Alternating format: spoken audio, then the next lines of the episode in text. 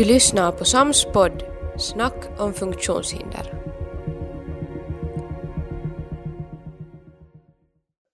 Varmt välkomna till dagens frukostsnack om funktionshinder. Och idag har vi tema finlandssvensk teckenspråk. Och vi har faktiskt länge redan väntat på att få höra Annika Aalto, från specialsakkunnig från Dövas förbund, att berätta mer om det här ämnet. Men jag ger ordet vidare till Annika, varsågod och varmt välkommen. Jo, jag tänkte då eh, börja med att berätta kort lite om min bakgrund. Det där, jag har studerat i tiden till teckenspråkstolk och då har jag studerat i, eller på finska och finskt teckenspråk endast. Men eftersom jag har svenska som modersmål så har jag också så småningom sen hittat mig till den här gemenskapen av finlandssvenska döva och teckenspråkiga. Och det där och jobbar då nu för tillfället eh, inte egentligen alls som tolk utan jobbar som specialsakkunnig på, på Dövas förbund. Och det där eh, jobbar med två olika arbetsuppgifter. Jag jobbar med påverkansarbete och bevakning av rättigheter, som till exempel språkliga rättigheter och vilka rättigheter döva och hörselnedsatta personer har via handikapplagen och så vidare. Och sen min andra arbetsuppgift är att koordinera en ordbok dit vi samlar finlandssvenskt teckenspråk som heter Signwiki. Här det där har jag skrivit upp lite kort om historia, för att vi talade med Elias just att vi har den här åsnebryggan till, till Sveriges teckenspråksdag nu.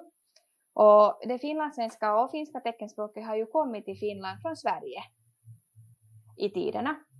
Och det var då Karl Oskar Malm, som alltså själv var döv, som hade så pass fin situation att hans familj kunde eh, skicka honom till Sverige för att studera där i dövskolan.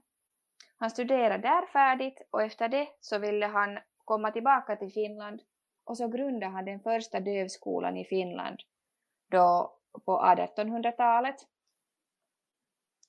Eh, sen med tiden kom det såklart ändringar och så vidare. Men det som är intressant med tanke på språkens historia är det att när um, Karl Oskar Malm då använde det här teckenspråket som han hade lärt sig där i Sverige och flyttat till Finland.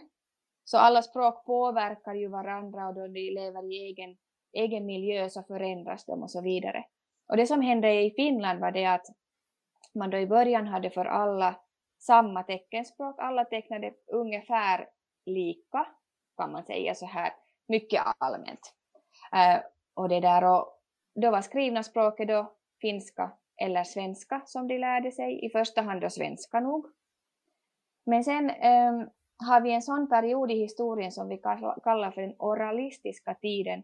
Och den gick ut på att um, det bestämdes att utbildningen, all utbildning för döva gick ut på att de skulle lära sig att tala. För det första uttala ord, för de kan ju inte höra dem själva, utan det som har hörselrester och så vidare. Men helt döva kan ju, har ju inte möjlighet att höra alls något tal, men man koncentrerar sig på att, att lära sig att tala, och det betyder att lärarna talade och de döva satt där i pulpeterna och tittade på när munnen gick och det var egentligen det som utbildningen gick ut på. Att det var deras skoldag. Och det var förbjudet att teckna men på rasterna så tecknade ju nog barnen sinsemellan för att de skulle få ens då kommunicera. Så teckenspråket har inte försvunnit, men, men det har påverkat det hemskt mycket. Att man inte fritt har fått använda det, för att då man äh, i princip äh, kväver ett språk så, så påverkar det ju att det inte kan blomstra lika fint som det skulle kunna blomstra om man skulle få använda det fritt i alla situationer och få lära sig nytt på det språket och så vidare. Under oralistiska tiden så, så började man eh, skilja på de här grupperna. Efter det hade man egen skola för de som hade finska som det här skrivna språket och egen skola för de som hade svenska som det skrivna språket. Och det har orsakat det att vi egentligen i dessa dagar har två olika teckenspråk i Finland. Det finska teckenspråket och det finlandssvenska teckenspråket. Och sen om vi tänker um, på det att hur de nu för tiden är liksom jämfört med varandra så kan man tänka sig så att vi har, vi har rikssvenskt teckenspråk och så har vi finskt teckenspråk och det finlandssvenska teckenspråket är lite liksom däremellan. för det har då intryck från båda av de här språken. Eh, sen för finlandssvenskt teckenspråk så, så skedde det en ganska stor förändring på 1990-talet då den sista dövskolan stängdes, som fanns i Borgå på den tiden. Efter det så har det inte funnits för finlandssvenska döva barn en skola att gå till, vilket betyder att de har integrerats i närskolor där man inte kan teckenspråk och så vidare.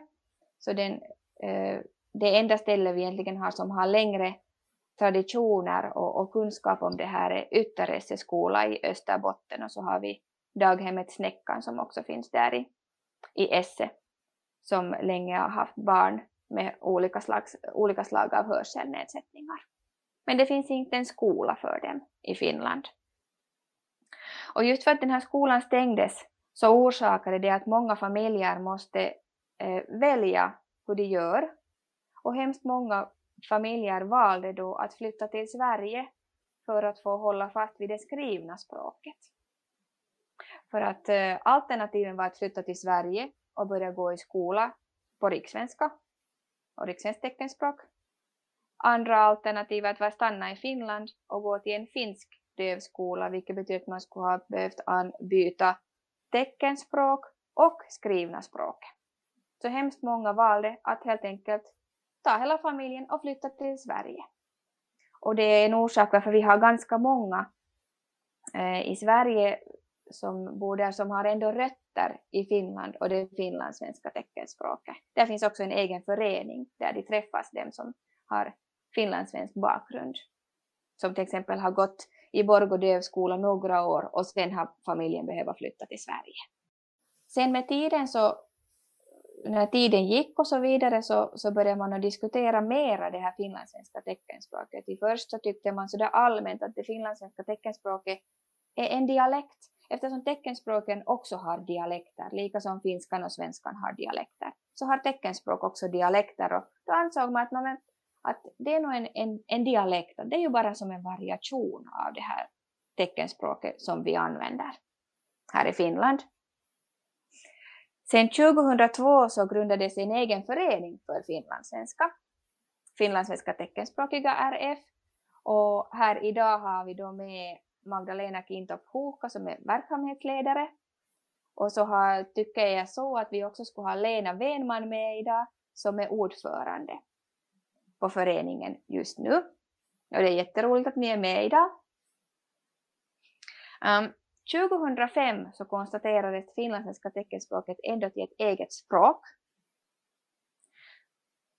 Och det märks att det nu har skett större förändringar, men då i början så fanns det ändå många som, som höll fast vid sin åsikt att det egentligen mera endast är en dialekt men äm, med tiden så har, har folk fått mera kunskap om det här språket och dess situation och användarna och så vidare. Och nu så talar man starkare och starkare om att det faktiskt är ett eget språk. Och sen allmänt så brukar man ju säga att, att um, språk är olika då de har mindre än 70 procent likheter. Så betyder att om över 30 procent är olika i de här språken så kategoriseras de till olika språk. Och nu finns det inte så hemskt mycket forskning om finlandssvenskt teckenspråk ännu. Men jag ska återkomma till det, för att det, där har vi också tagit steg framåt. Språkbrukarna själva brukar säga att det är där vid 70 procent, 60 kanske, som, som är lika. Och resten kan vara jätteolika sedan. Vilket orsakar just det att, att um, finska döva kan förstå fel, de här finlandssvenska döva. Och, och tvärtom såklart också att det finns vissa tecken som man gör jättelika och det finns nog bara en liten skillnad på dem, men betydelsen kan vara ganska olika. Och det som mitt arbete nu går ut på att alltid komma ihåg att, att vi ändå talar om en minoritet inom en minoritet, eftersom de finlandssvenska döva är en, en ganska liten grupp. Och då majoriteten, i det här fallet tänker vi på, då är finska döva som använder finskt teckenspråk som, som eh, lever starkare för tillfället i, i Finland. Sedan år 2014 så fick vi svar från eh, Unesco om att eh, det finlandssvenska teckenspråket är allvarligt hotat. Och efter det så har det gått ganska mycket framåt faktiskt, för vi har fått startat upp olika slag av revitaliseringsåtgärder för språket. Sedan 2015 så trädde teckenspråkslagen i kraft och där faktiskt nämns de här olika teckenspråken skilt och att, det, att vi har två olika teckenspråk i Finland, vilket var ett stort framsteg också för finlandssvenskt teckenspråk, att det står i lagtexten uttryckligen om det finlandssvenska teckenspråket. Och sedan allmänt så, så jobbar vi ju mycket med det här att FN då, FNs konvention ratificerades här i Finland 2016, som också tar upp rätten till att använda också teckenspråk. Och sen 2019 så fick vi ju ett nytt regeringsprogram. Där i regeringsprogrammet så står det skilt om finlandssvenskt teckenspråk. Det står att, att man ska fortsätta med det här revitaliseringsåtgärder för finlandssvenskt teckenspråk. Och eh, man ska bestämma vem som skulle ta, vilken instans skulle ta ansvar för forskning i finlandssvenskt teckenspråk eftersom det inte har varit tydligt någonstans. Eh, på Jyväskylä universitet eh, finns det Viittomakieli-keskus, teckenspråkscentret, och de har ansvar för, för finskt teckenspråk. Men det har varit lite otydligt att eh, har de också ansvar för finlandssvenskt teckenspråk. Och sen Helsingfors universitet har visat mycket intresse gentemot språket och, och det där eh, doktorsavhandling har gjorts där som har behandlat finlandssvenskt teckenspråk och de har haft föreläsningar om språket och i språket och så vidare. De har visat mycket intresse för det. Och den situationen ser faktiskt lite spännande ut nu för tillfället för att, för att det där vi, har, vi går diskussioner för tillfället med undervisnings och kulturministeriet om att vem som ska ta det här ansvaret nu sen för den här forskningen i språket. Um, för att uh, Jyväskylä universitet då, då ansåg att finlandssvenskt teckenspråk skulle passa in där eftersom de har finskt teckenspråk och även andra teckenspråk och har då specialuppdrag av ministeriet för att sköta om det här med teckenspråk och då i första hand finskt teckenspråk. Och då har vi sen Helsingfors universitet som har visat annars mycket intresse gentemot det och har en doktorand där för tillfället som forskar i finlandssvenskt teckenspråk. Och vi har konstaterat på, på Dövas förbund och tillsammans med finlandssvenska teckenspråkiga RF att det tyvärr inte finns något ställe riktigt som skulle genast vara eh, ett färdigt ställe som skulle vara bra för det här språket. Eftersom det finns olika synvinklar på det här att Jyväskylä universitet till exempel är mycket finskt. Um, vad vi har fått höra nog är att, att möten och annat får gås även på svenska. Men, men det där, vi som finlandssvenskar erfar nog att det är jätteviktigt att den här forskningen sker Eh, i närhet av den här språkgemenskapen ändå. Fast det är fråga om forskning så skulle det vara viktigt att hålla den här kontakten till språkgemenskapen och den finns sen i svensk Finland. Och Jyväskylä är ganska långt ifrån. Och, och min personliga åsikt är nog den att den är så pass, det, det är så finskt område och det är så finsk miljö och eh, det finska teckenspråket lever där så starkt att, att det finns oro för det att om finlandssvenska teckenspråket då också skulle vara där, att hur, hur går det för det här minoritet, lilla, lilla minoritetsspråket där i den där finska miljön. Och sen Helsingfors universitet så har starkt svensk miljö, speciellt på Nordica, um, ehm, men har inte lika starkt med teckenspråk. Och nu så fortsätts Eh, de här diskussionerna och funderingarna över att hur vi kunde lösa det här. Men det som vi har poängterat från förbundet och, och föreningen tillsammans är det att det skulle vara jätteviktigt att göra samarbete. Att vi skulle få um, den kunskap som teckenspråkscentret Jyväskylä har, men också kunskap från Helsingfors universitet. Och så finns det ju kunskap på föreningen och även på Dövas förbund att vi på något sätt i samarbete skulle få startat upp den här forskningen i framtiden. Men just nu så väntar vi på svar från undervisnings och kulturministeriet vad de bestämmer. Så att det är lite spännande tider att få se sen att när vi får svar. 93 så stängdes sista svenska, svenskspråkiga dövskolan. Hur, hur har utvecklingen gått på finskt håll sen efter det? Ja, för finskt teckenspråk så finns det äh, skolor som inte numera kallas för dövskolor, men de flesta finns på samma ställen där dövskolorna har funnits. Att de kallas till sådana här, äh, någon slags, eh, kallades det månne till resurscenter eller någonting i den stilen. Men att det lever kvar ändå det där med dövskolor. Så att det finns undervisning på finskt teckenspråk i, i vissa skolor. Och de flesta är då under Valteri. Okay. Till exempel i Jyväskylä finns det Valteri Onerva där de har undervisning på teckenspråk och därifrån uh, också barn i andra skolor får undervisning i teckenspråk på distans. Sen i Helsingfors har vi Pitäjänmäen koulu där det finns ganska många elever som har olika slag av hörselnedsättning och, och där finns då de har i alla fall lektioner på något sätt tillsammans så att de som är, använder helt teckenspråk är någon tillsammans och, och sen det där de som använder mera så tecknat tal och, och tecken som stöd så har också liksom egna eh, på något sätt i grupper och så vidare. Men där finns lärare som, som kan teckenspråk.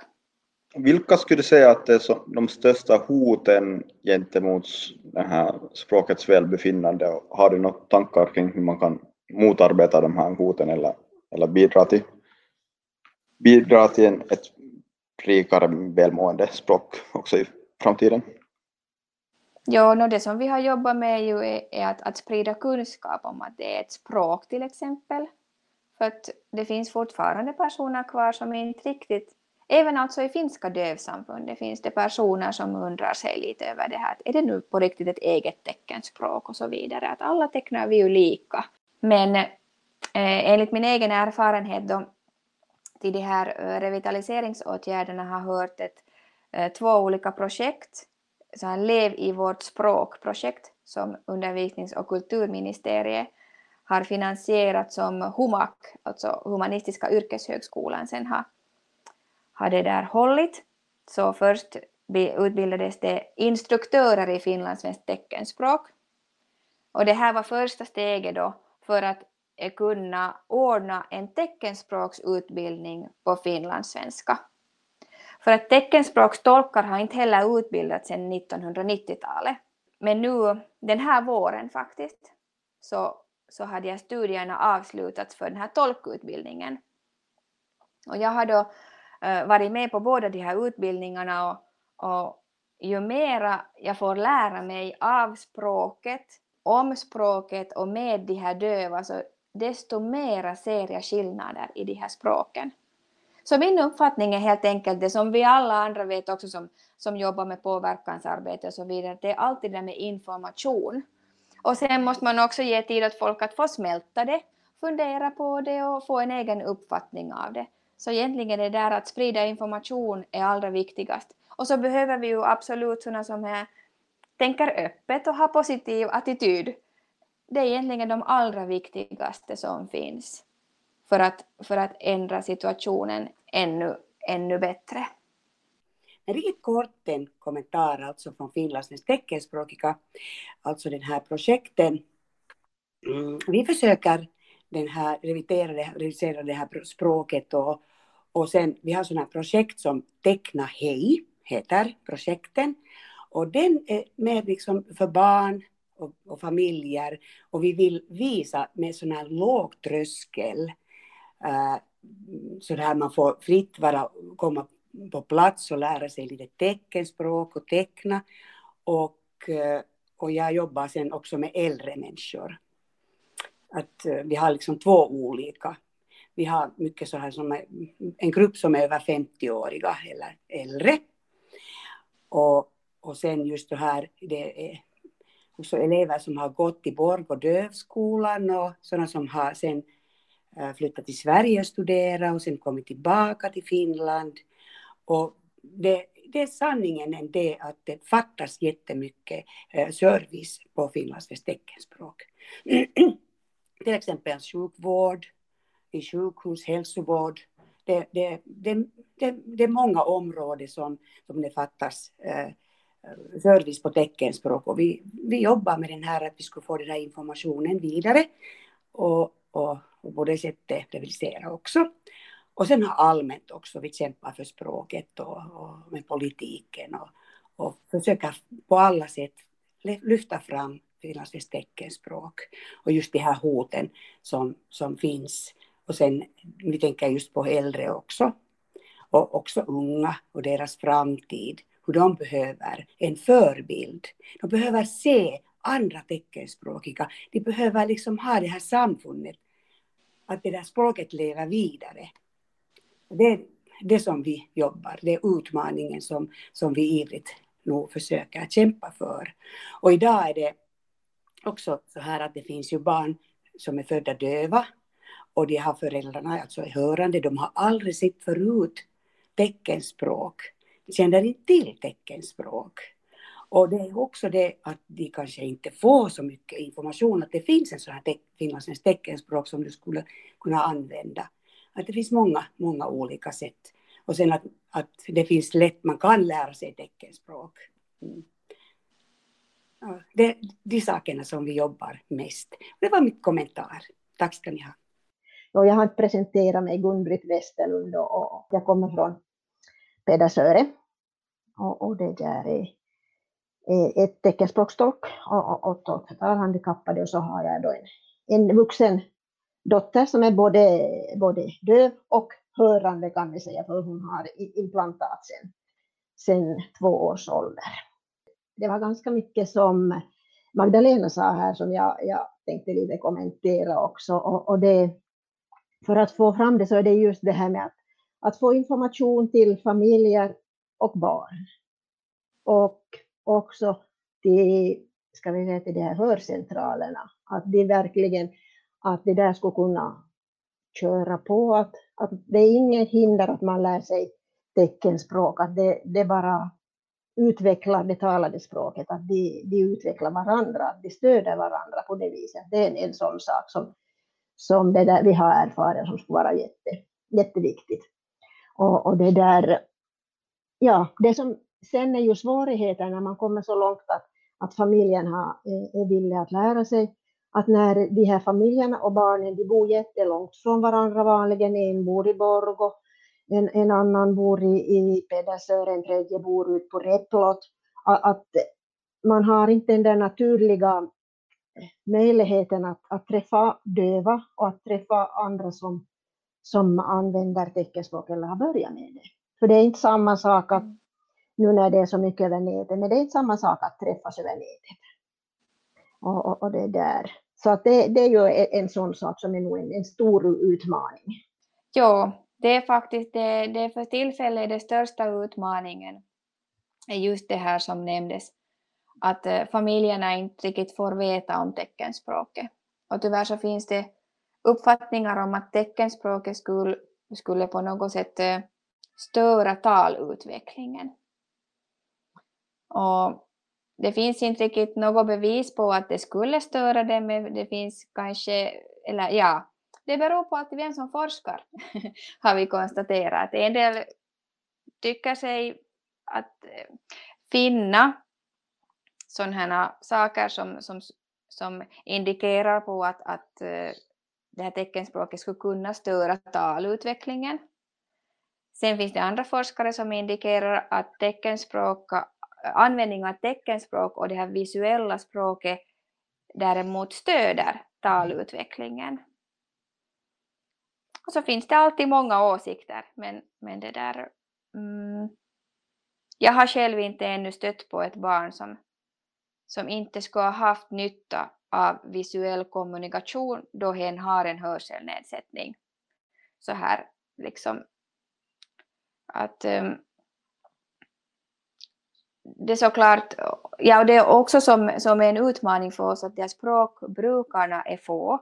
Det gjordes en kartläggning det där 2015 på föreningen, alltså finlandssvenska teckenspråkiga RF, om att det i Finland skulle bo cirka 100 eh, döva teckenspråkiga personer.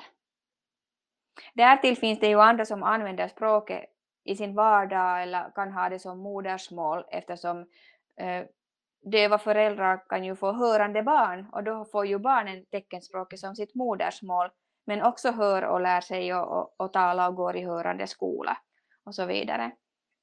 Och så som jag nämnde så har vi i Sverige också en grupp som fortfar, fortfarande använder det här språket som kanske så småningom blir mera och mer en blandning av finlandssvenskt teckenspråk och rikssvenskt teckenspråk. Och här i Finland har vi det att det här majoritetsteckenspråket, finskt teckenspråk, också påverkar det finlands, finlandssvenska teckenspråket. Lika som finska påverkar vår svenska.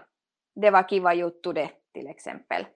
Och sådana som vi inte kanske själv, själv ens märker i vår vardag att vi använder. Så språken påverkar ju alltid varandra. Men att eh, jag tycker nog att barn som, som föds till, till svenska familjer eller någon deras föräldrar har svenska som modersmål, och speciellt om de går i svensk, svensk dagis och svensk skola, så är det nog så att det här finlandssvenska teckenspråket smälter in dit på ett annat sätt än det här finska teckenspråket. Och det har på något sätt att göra med det, hur de här språken ändå går lite hand i hand hela tiden. Det där med svenska och finlandssvenskt teckenspråk och sen hur finska och finskt teckenspråk går hand i hand mera.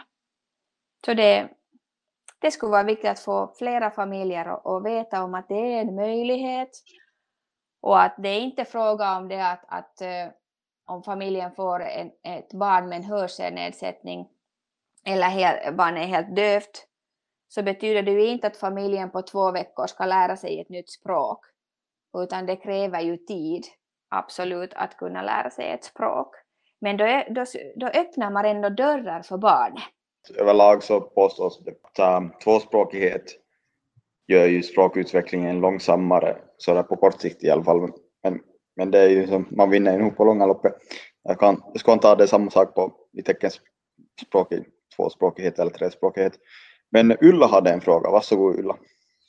Tack, jag skulle fråga det bara att nu under den här coronavirusen så har finlandssvenska personer då fått någon information. Alltså i TV så kommer det ju, det är säkert då den där finska teckenspråket som tolkas i TV, om jag nu har förstått rätt. Men har finlandssvenska personer fått någon information? Jo, jag är Magdalena, hej och eh, det var en jättebra fråga och bra kommentar som så vi finlandssvenska teckenspråkiga, vi, vi blir alltid oftast efter, till exempel den här coronavirusinformationen, så vi kommer efter åt att all den här informationen som det är tolkar på plats i, i direktsändningar så det är ju på finskt teckenspråk. Och det är förstås att får man alltid lite därifrån också, men sen eh, direktsändningen så, så har det inte funnits möjlighet att få samtidigt också finlandssvenskt teckenspråk. Så, så de har sagt att det inte, inte fungerar. Och, och, och, men att annars ha, skulle man ha möjlighet. Och sen statsrådets vad heter hon nu? Hon informerar alltid efteråt, så vi har sen efteråt eh, får vi också på finlandssvenskt teckenspråk, men det kommer efteråt, det, det kommer inte samtidigt. Så vi har nog försökt ge information och säga och, och, och, och, säga att det finns resurser och så här. Att, men att i alla fall, det är ju, det är ju en, en, en, en bra sak i alla fall att den där syns, den här teckenspråket. Så att man kan ha en tolk direktsändning och och, och, och, och i, i de här diskussionerna också. Det är flera som säger att det på något sätt stör i tv-rutan när det kommer en teckenspråkstolk här. Att det, det, mm, men kanske man måste bara fortsätta som människor blir vana Men, Men att sådana kommentarer hör man också. Men och sen säger här också Cecilia Hanhikoski att, att, att det är alltid ett steg framåt sen om vi skulle få en mera synligt den här finlandssvensk teckenspråk också i tv. Och inte efteråt.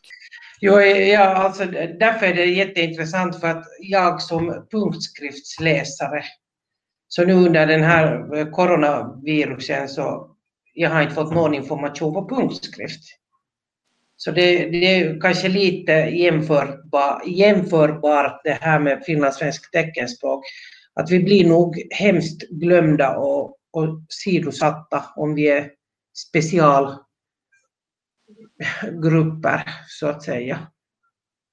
Tack Ulla för din kommentar, för faktiskt det där hade jag ju inte till exempel kom att tänka på att det inte finns information på punktskrift. Därför var jag här som ett stort frågetecken att är det på riktigt sant? För jag har ändå förstått att det någorlunda lätt går att göra det nu för tiden. Det borde inte vara så att vi måste ha, en, ha någon som sitter och skriver på maskinen utan att man borde kunna göra det på annat sätt också nu för tiden och använda tekniken och så vidare. Just alla de här breven, det, det kom ju något brev i något skede till alla hushåll eller någonting men inte, jag har nog inte fått någonting i punktskrift.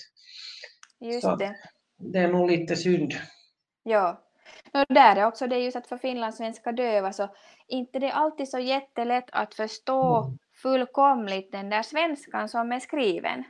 Eftersom det finns också den där historien här bakom att, att många har gått i skola den tiden då det bestämdes att man bara talade åt barnen i skolan, vilket betyder att de inte har haft ens inte har fått ens en chans, inte en möjlighet att använda sitt potential och lära sig så mycket som de ska kunna om undervisningen ska vara på teckenspråk. Mm. Att det är en sån sak som vi också måste ta i hänsyn. Och därför är det jätteviktigt att det finns information sen också på finlandssvenskt teckenspråk. Det är på samma sätt som om vi får ett brev från, från Skatteverket eller från FPA på finska. Mm. Så nu får man ju sitta där och läsa några gånger. Det kunde vara lättare att ta in det på svenska fast deras språk är nog inte lätt på, no, på vilk, vilk, någondera tycker jag. Får jag nu säga en kommentar för alltså det är hemskt många eh, personer med synnedsättning, de lyssnar ju på talböcker. Istället för att läsa då punktskriftsböcker, som det, det finns ju ett litet urval, men nu har det ju blivit så att många blir ju nästan analfabeter när du bara lyssnar på allt, allt blir uppläst för dig.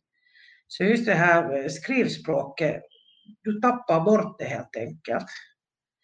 Så att eh, man måste nog få det där språket, antingen då i punktskrift eller då teckenspråk för att faktiskt ha ett brett, brett språk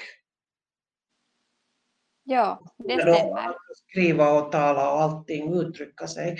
För om du bara hör det, eller bara då som kanske då döva ser det läst, jag vet inte, så det där, det blir jätte ensidigt. Ja, det stämmer.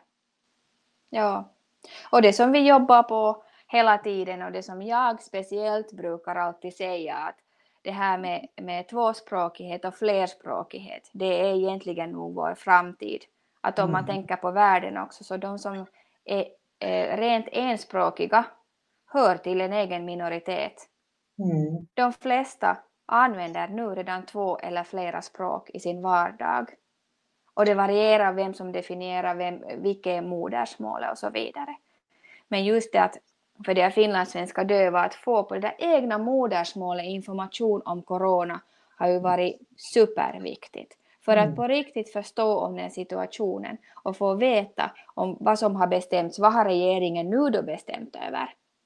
Att det är jättesvårt att få in den här informationen via tolkning till finskt teckenspråk. För att ofta i tolkningssituationer så går det bara så, för det är ju ändå, vi alla tolkar, vi är människor, vi är inte maskiner, Dessutom maskinerna kan inte alls tolka till teckenspråk, fast det finns många drömmar om att det i framtiden skulle vara så lätt, men vi har konstaterat att det tar nog, det tar nog länge före vi kommer så långt att det skulle lyckas med teckenspråk.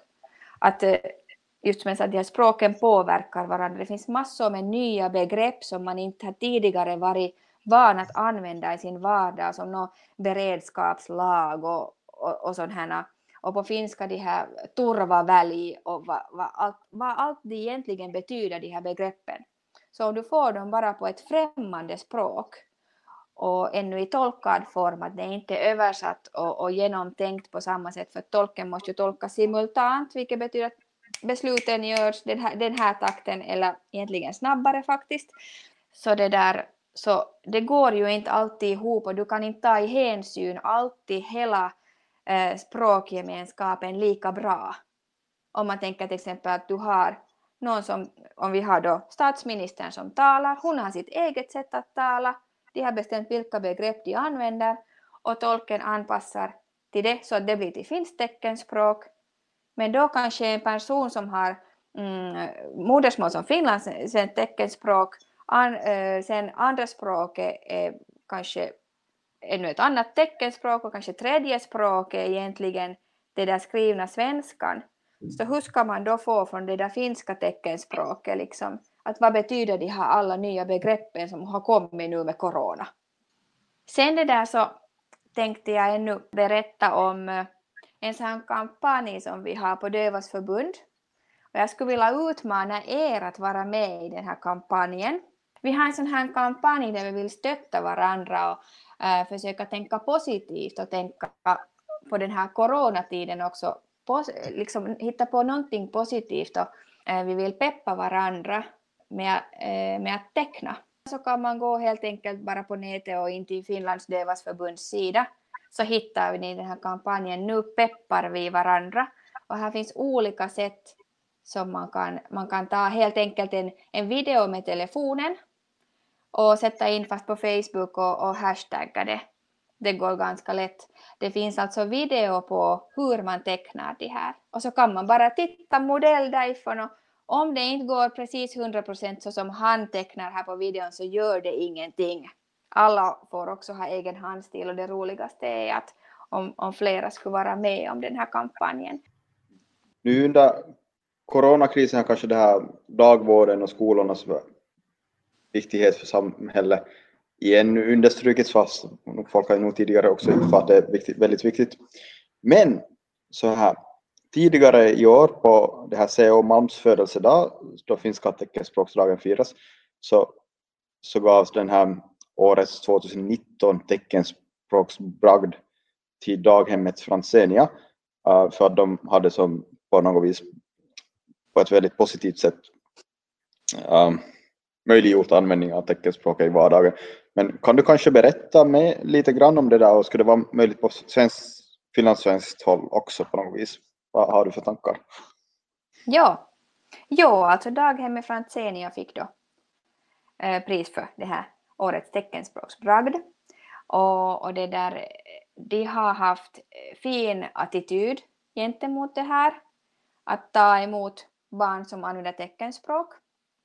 Och till det daghemmet har det fått en grupp där det finns barn som har teckenspråk som modersmål. Och det betyder då inte endast döva barn utan också så kallade KODA-barn. CODA är, är det där eh, förkortning från engelskans eh, Child of Deaf Adult. Alltså hörande barn som har döva föräldrar och den vägen har då teckenspråket som modersmål. Så det finns en sån här grupp var det inte är det viktiga hur mycket eller lite du hör, utan det viktiga är det att du använder teckenspråk. Och de startade upp den här gruppen, det har, det har varit flera år diskussioner om att skulle det vara möjligt och så vidare. Och sen just via det här att få lite information och, och tankar mognar och så vidare och, och ofta så går mycket framåt för oss helt bara på grund av att en person liksom lyssnar och förstår den där helheten och tar tag i det. Och så gick det också med det här daghemmet, att de hade positiv attityd. Och de har till exempel barnskötare och, och så här som är självdöva. Vilket betyder att den där vardagen där i den gruppen fungerar på teckenspråk. Och så används det teckenspråkstolk vid behov och så vidare. Att om det är en döv person, döv vuxen som jobbar där och så har de eget nå skötarteammöte eller någonting så tas det en teckenspråkstolk dit med på mötet så att den här döva också kan vara med. Och då just får de här barnen den här förebilden som Magdalena nämnde. De får den här förebilden. Hur fungerar den där vuxna? Hur fungerar, vad gör den när den pratar med den där döva? Och vad gör den när den pratar med den där, den där som är hör, som kan bara lite teckenspråk? Och vad händer då när den ska prata med den som inte alls kan teckenspråk? Hur går allt det här till? Och barnen ser det i sin egen vardag. Och då får de en sån här eh, naturlig, realistisk bild av det, eh, hur vardagen kommer att se ut när man växer upp. Det läses böcker på teckenspråk, allt gås igenom på teckenspråk. Men sen ofta är också, speciellt döva barn är duktiga på att eh, lära sig liksom begrepp. De bokstaverar till exempel. Många barn som inte ännu går till skola så kan läsa från bokstavering många, många ord till exempel. Och de lär sig begrepp den vägen också. Att det är såna mångsidigt språkligt och det var därför de fick det här priset för att de tog tag i den här saken och det har fungerat jättebra. Barnen har varit nöjda, familjerna har varit nöjda, arbetarna har varit nöjda. De har fått all, all den här helheten att fungera. Så det är liksom ett stort dagis så finns det en sån här liten grupp och de har fått den att, att smälta in dit så fint. Och jag har funderat på liknande då eh, på finlandssvenskt håll men som det, det var säkert kanske Magdalena som nämnde om det att, nej det var Gun-Britt som nämnde om det att de här barnen är så jätteutspritt och de är ganska få. Så tyvärr så för tillfället till exempel så skulle vi inte få en sån här grupp till stånd som det finns nu för finskt teckenspråk. Att vi har inte så många barn som skulle bo tillräckligt nära varandra, liksom helt fysiskt för att, för att vi skulle få en sån här grupp till stånd där vi skulle ha de här barnen. Så just för tillfället så ser jag in, tyvärr inte riktigt realistiskt att det skulle löna sig att satsa på det ännu. Men med tanke på de här familjerna och barnen så har undervisnings och kulturministeriet beviljat 20 000 euro för det här året. Och det var då Dövas förbund som ansökte om det och, och jag har då på ansvar att, att bygga upp eh, ett seminarium där vi skulle få bättre nätverk för det här Svensk-Finland, hur ska vi kalla det, hörselnedsatta Svensk-Finland eller hur vi ska kalla det till. Vi har inte ännu så, så det där begrepp för allting men, men det där att vi skulle kunna sammankomma lättare, att vi skulle få bättre nätverk till stånd så att um, till exempel personal på olika dagisar som har barn med en hörselnedsättning till exempel skulle hitta varandra och kunna diskutera hur den här vardagen går och, och sen så har jag också en tanke om det att, att mera utnyttja den här tekniken också i framtiden, att, att barnen kanske kunde träffas på distans en gång i veckan fast 20 minuter eller någonting på dagis, vad som helst, vad, nu, vad man sen hittar på, och vad som är realistiskt för vem. Men meningen att vi skulle få någon slags sån här nätverk till stånd som, som jag inte i alla fall för tillfället ännu ser. Så det skulle jag vilja ha i framtiden. Det har varit länge min framtidsdröm. Och nu har vi fått finansiering för det och nu jobbar jag för det och vi ska ha ett seminarium nästa höst. Tillsammans med just den här föreningen som Gun-Britt nämnde om, den här DHBS, som alltså är förkortning från Döva och hörselskadade barns stödförening. Så vi ska på något sätt få familjer och barn men sen ska vi också få den här personalen och, och, experter och så vidare som, som arbetar inom den här hörselbranschen och, och teckenspråksbranschen ihop så att alla skulle få träffas och, och den vägen tillsammans fundera hurdant nätverk vi skulle behöva för att de här barnen skulle ha, ha det ännu bättre i framtiden. Alltså jag jobbar med hörcent på hörcentralen med hörselskadade barn då där och och svenskspråkiga. Och jag ville bara föra fram att när barnen kommer i skolålder så har jag sitter med i Hörseltjänstföreningen också och då har de möjlighet att komma på läger på somrarna. Så det är sånt här som jag skickar ut till alla de här barnen och familjerna när de ungefär är sju eller klarar av att komma tidigare också om de klarar av att övernatta. Och vi åker runt, varje sommar finns det på olika ställen en vecka. Och det här är liksom jättebra för de här barnen där hörande och icke hörande och med med allt och hela skalan liksom och ledarna är också hörselskadade för det mesta. Men jag är alltid med där för att jag känner till de här barnen och så är jag där med som sjukvårdare också. Så det här, det är jättebra, ja. Precis. Ja, som sagt, så det finns liksom, det finns verksamhet här och där, men, men det kan hända att alla ändå inte riktigt ännu får den där informationen om all verksamhet som finns. Att det finns ju inte liksom så mycket att välja på som de har på finska sidan, det finns det ju inte. Men det finns ändå.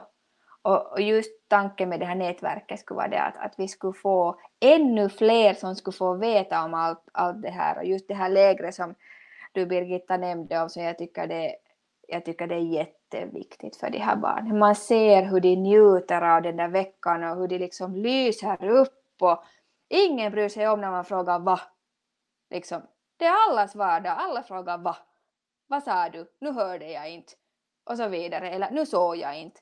Att det är liksom, det blir alltid en så, så härlig grupp och alla får vara helt sig själva och, och höra, använda hörapparat när de vill. Och det är också okej att någon gång låta öra vila och sätta bort det till en stund och sen när vi har samling så sen hämtas hörapparaterna och så vidare. Det är, så, det är fritt och barnen får vara sig själva och, och, och de märker att det finns många andra också som frågar va. För att ofta i sin egen vardag på skolan så kan de vara de enda. Det kan hända att du har från, från förskolan till sexan och du är det enda barnet som har en hörselnedsättning där. Men under den veckan så får alla fråga va, hur många gånger de vill. Och kanske bara för att de inte ens orkar lyssna så får man fråga va. Att det är liksom okej. Okay. Och jag tycker det är så viktigt för de här barnen att de får sammankomma och träffa varandra.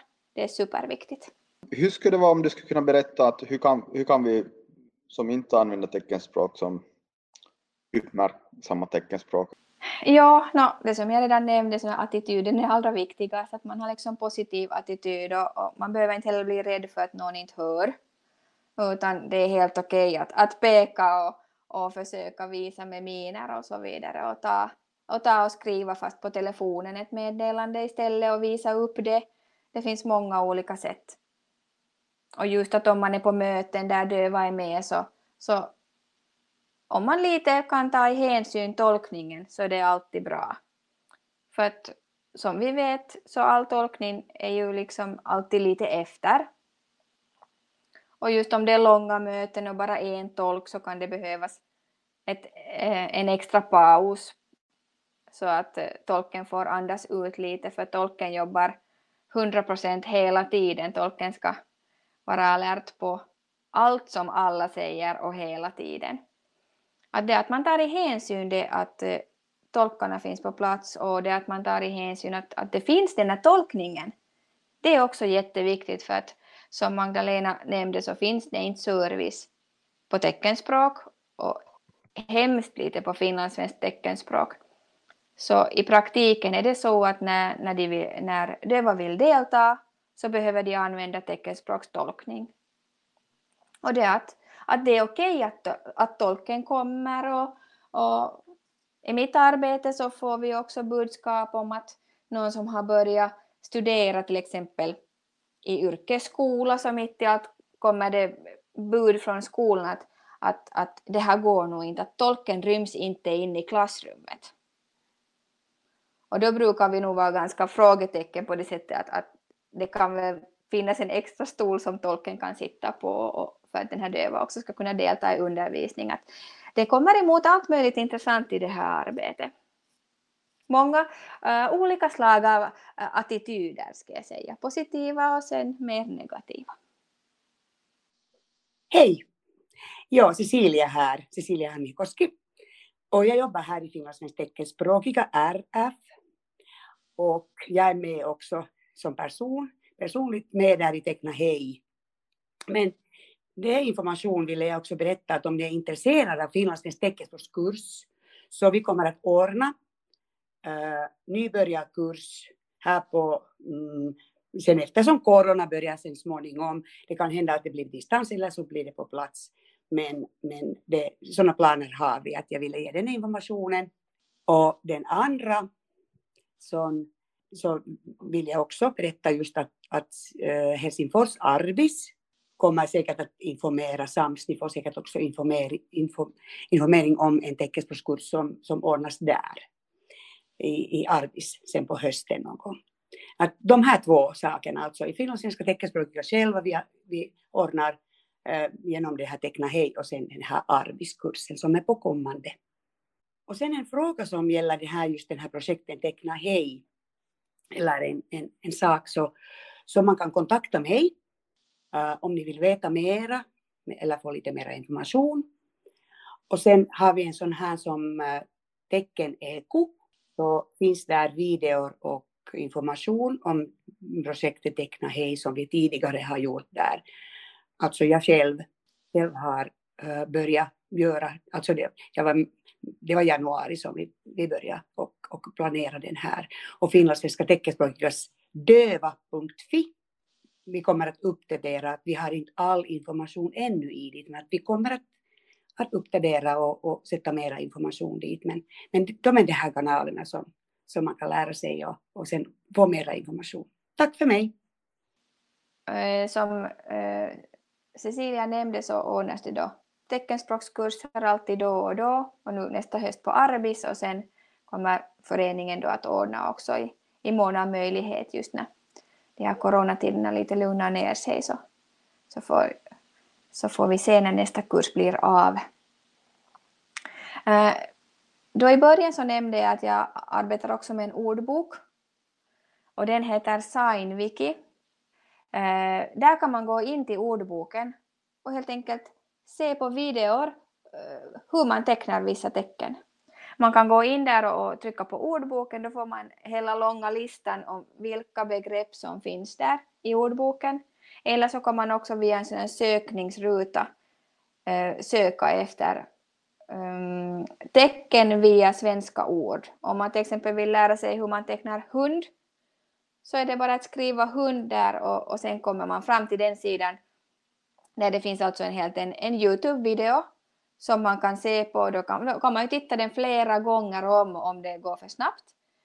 Och i Signwiki, just för det är Youtube-bottnat eh, så det där så kan man gå in där på inställningar och också sätta videon och rulla lite långsammare. Det är ett ganska bra tips. Om man tycker att det går lite snabbt så, så kan man titta videon lite långsammare också. Så det är också ett sätt att, att till exempel plocka eh, fast fem olika tecken därifrån som man skulle lära sig. Och sen om man träffar någon döv så, så, så kanske kan man säga, vågar man säga hej och att jag heter och sen kanske lära sig bokstäverna och bokstavera sitt namn. Det brukar redan vara trevligt. Och dit arbetas hela tiden mer och mer material så småningom. Och nu så finns det också många tecken som har att göra med corona. Det har vi samlat in ah, nu. Okay. Det finns tecken för corona och beredskapslag och, och allt. No, alla möjliga olika begrepp som nu har liksom varit aktuella i och med det här att coronan kom till Finland också. Så finns det tecken där. Behöver ni förresten, som, om ni tecknar ett nytt eller mer främmande tecken, behöver ni på något vis signalera att nu kommer det någonting, ett mera ovanligt ord eller hur, hur bereder ni lyssnare eller, eller den här motparten? Nu kanske jag kan ta ett levande exempel om corona. Mm. Um, namnet corona var ju bestämt annanstans och så kom det så småningom när det spred sig så vi fick veta det begreppet corona. Uh, och ni vet säkert, eller kanske några fall kommer ihåg ett sånt gammalt spel som är Corona. Ni vet ah. platta och man hade de där färggranna sådana platta, som lite minipuckar och så, och så skuffar man dem med den där käppen. Så då i början när det här begreppet Corona kom så fanns det inte ett eh, tecken för det. Och då såg jag en döv teckna Corona och hade nappat det från att det bara är samma namn men det tecknas så här och nappade därifrån och använde det. Och sen så småningom så spred sig ett tecken corona. Corona för att det, alla bilder, ni vet den där bollen med de där sådana taggar på. Och just mm. att det ser ut som den skulle ha en krona. Så blev det corona. Och vad jag har uppfattat så är det här ganska så internationellt tecken faktiskt för tillfället. För att fenomenet är så internationellt.